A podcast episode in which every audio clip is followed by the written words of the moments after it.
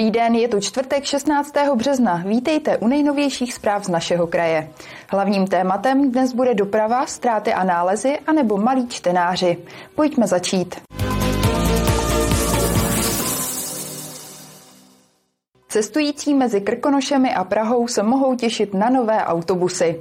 Dopravce Busline postupně uvádí do provozu pět nových komfortních vozů Mercedes. Slavnostně je pokřtil tuto středu v Liberci. 15-metrové autobusy doplní vozový park, který se jinak v Libereckém kraji skládá hlavně z vozů Iveco a SOR.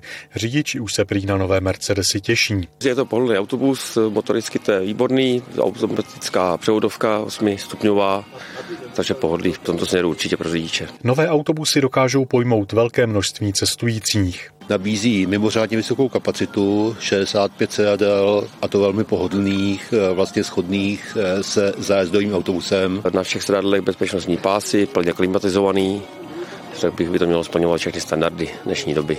Větší prostor pro zavazadla, širší dveře, místo pro invalidní vozík, kočárek. Myslím si, že je to velmi vhodný typ pro meziměstskou dopravu na vzdálenosti, řekněme kolem 100 100-200 km. Baslajiny nasadí na linky idol, které dopravují cestující do Krkonoš.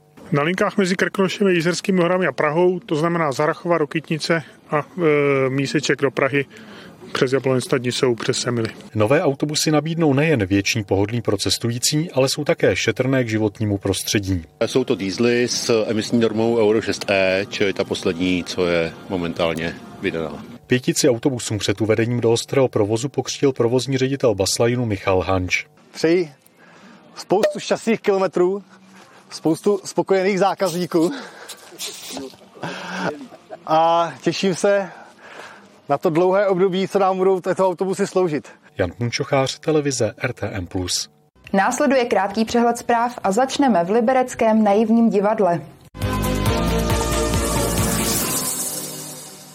Naivní divadlo v Liberci bude mít novou kotelnu. Atmosférické kotle z roku 2003 budou vyměněny za kondenzační. Díky tomu poklesne spotřeba plynu zhruba o 15% Modernizace se dočkají také technologická zařízení a ovládací prvky regulace, které bude možné programovat na dálku.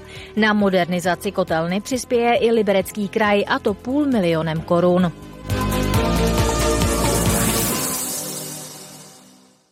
Ze státních hradů a zámků v Libereckém kraji prošla před letošní sezónou nejvýraznější proměnou část expozice na Friedlandu. Dosavadní zámecké interiéry přibližovaly druhou polovinu 19. století. Nyní zachycují jejich podobu ze 30. let 20. století, z doby, kdy zámek vlastnili poslední členové hraběcí rodiny Klamgalasů. Podařilo se to díky dobovým fotografiím. Touto proměnou začal proces tříleté reinstalace celého frýdlandského areálu.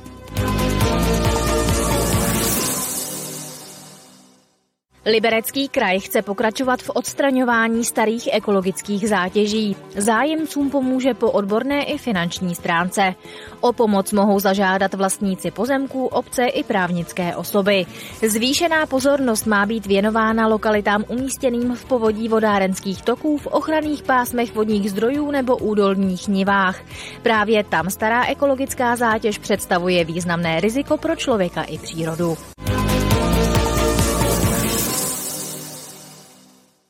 Ztráty a nálezy na libereckém magistrátu se od začátku roku rychle plní. Úřad nyní eviduje více než 60 věcí, které lidé ztratili v ulicích města nebo v městské hromadné dopravě. Vedle sezónních věcí, jako jsou například rukavice, čepice nebo deštníky, se do ztrát a nálezů dostala také sekačka na trávu nebo sněžná fréza. Občanský zákonník říká, že pokud občan najde nějakou věc, u které není možné poznat, komu má být vrácena a zároveň se nejedná o věc opuštěnou, musí ji předat nejdéle do tří dnů obci, na jejímž území ji našel.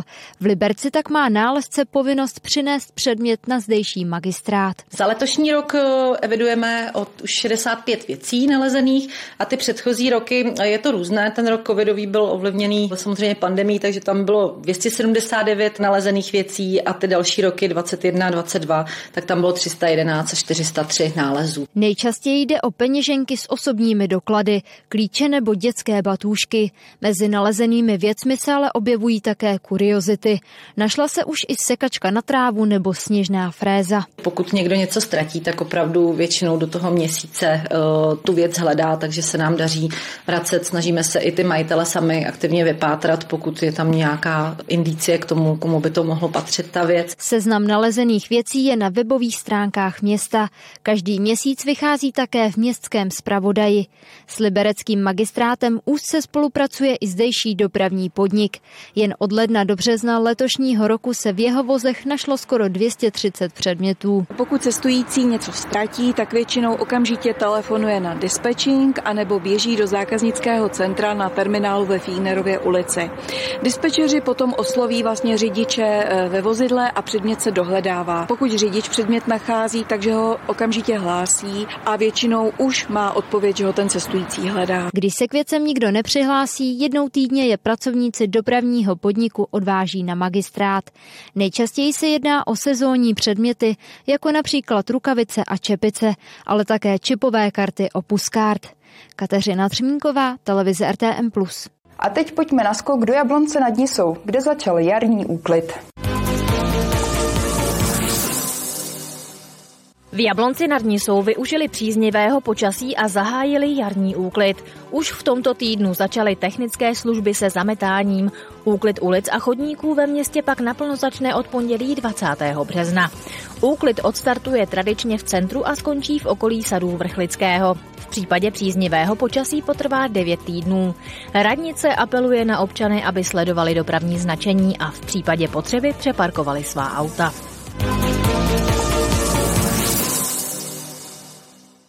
Jizersko-ještěcký horský spolek vrací rezervaci rašeliniště Jizery původní tvář.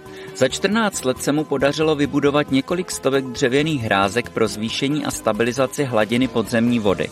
V letošním a příštím roce má spolek v plánu vybudovat přibližně 140 dalších hrázek. Smyslem této aktivity je napravit chyby minulosti, kdy docházelo k umělému odvodňování prostřednictvím vybudovaných příkopů. Jízersko-horské technické muzeum v Bílém potoce chystá na letošní rok novinky. Návštěvníci se mohou těšit třeba na letadlo z Lín 226 trenér z roku 1957 nebo stoletou svářečku Triodina. Kromě toho by se návštěvníci měli dočkat i většího komfortu v podobě sociálního zázemí.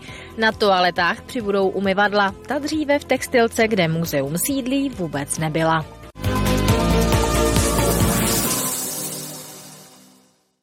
Turnovská knihovna slavnostně pasovala další prvňáčky na čtenáře. Akce se koná už po 15. Za úkol má motivovat malé děti ke čtení. Každý z prvňáčků poklekl před králem a královnou z říše pohádek a z jejich rukou si převzal svůj rytířský slib. Březen měsíc čtenářů, oslavuje jak ty velké, tak ty malé. Třeba v Turnově se jejich počet ještě rozrostl. Na čtenáře byli pasováni prvňáčci ze základní školy Mašov. To je celoroční projekt, kdy e, přihlásíme školy, to už je 15. ročník, takže opravdu to děláme od počátku, byla jsem u vzniku a má to obrovskou motivaci, protože děti se těší na ty úkoly a tohle má být takové jako trošku vyvrcholení po tom prvním vysvědčení. Letos se nám to trošku dostalo až do toho března, čtenářů. Prvňáčky pasoval samotný král s královnou z říše pohádek. Děti před nimi poklekly a poté dostali slavnostní slib. Já nepasuji tě na rytíře, řádu čtenářů. Líbilo se mi to hodně. Co ráda čteš za knížky? Nějaký pohádky Disney. Mně se tady líbilo nejvíc, jak přišli a odcházeli. Dneska se mi to hodně líbilo. Já mám hodně oblíbených knížek. Já čtu komiks SpongeBob. Zázračné koťátko ráda čtu a hodně jiných knížek. Malí čtenáři si v Turnově mohou pro knížky dojít do městské knihovny. Na výběr mají ze zhruba 10 tisíc titulů. Knihovna zároveň organizuje řadu kulturně vzdělávacích akcí. Během roku děláme zhruba nějakých 300 akcí pro školky, školy a kromě toho, že děláme takovéhle akce pro domluvené skupiny, tak samozřejmě máme i akce pro veřejnost, které jsou zaměřeny na děti, a respektive na mladé rodiny nebo rodiče s jejich dětmi. Během březnového měsíce čtenářů knihovna nabízí ještě bohatší program než obvykle. Posledního března proběhne oblíbená noc s Andersenem, která má v Turnově podobu pohádkového průvodu. Každoročně se jí účastní až tisíc lidí. Kateřina Třmínková, televize RTM+. Čtvrteční zprávy končí. Z dalšího programu mohu nabídnout Jablonecký magazín anebo pořad Zeptali jsme se. Mějte se krásně a brzy na viděnou.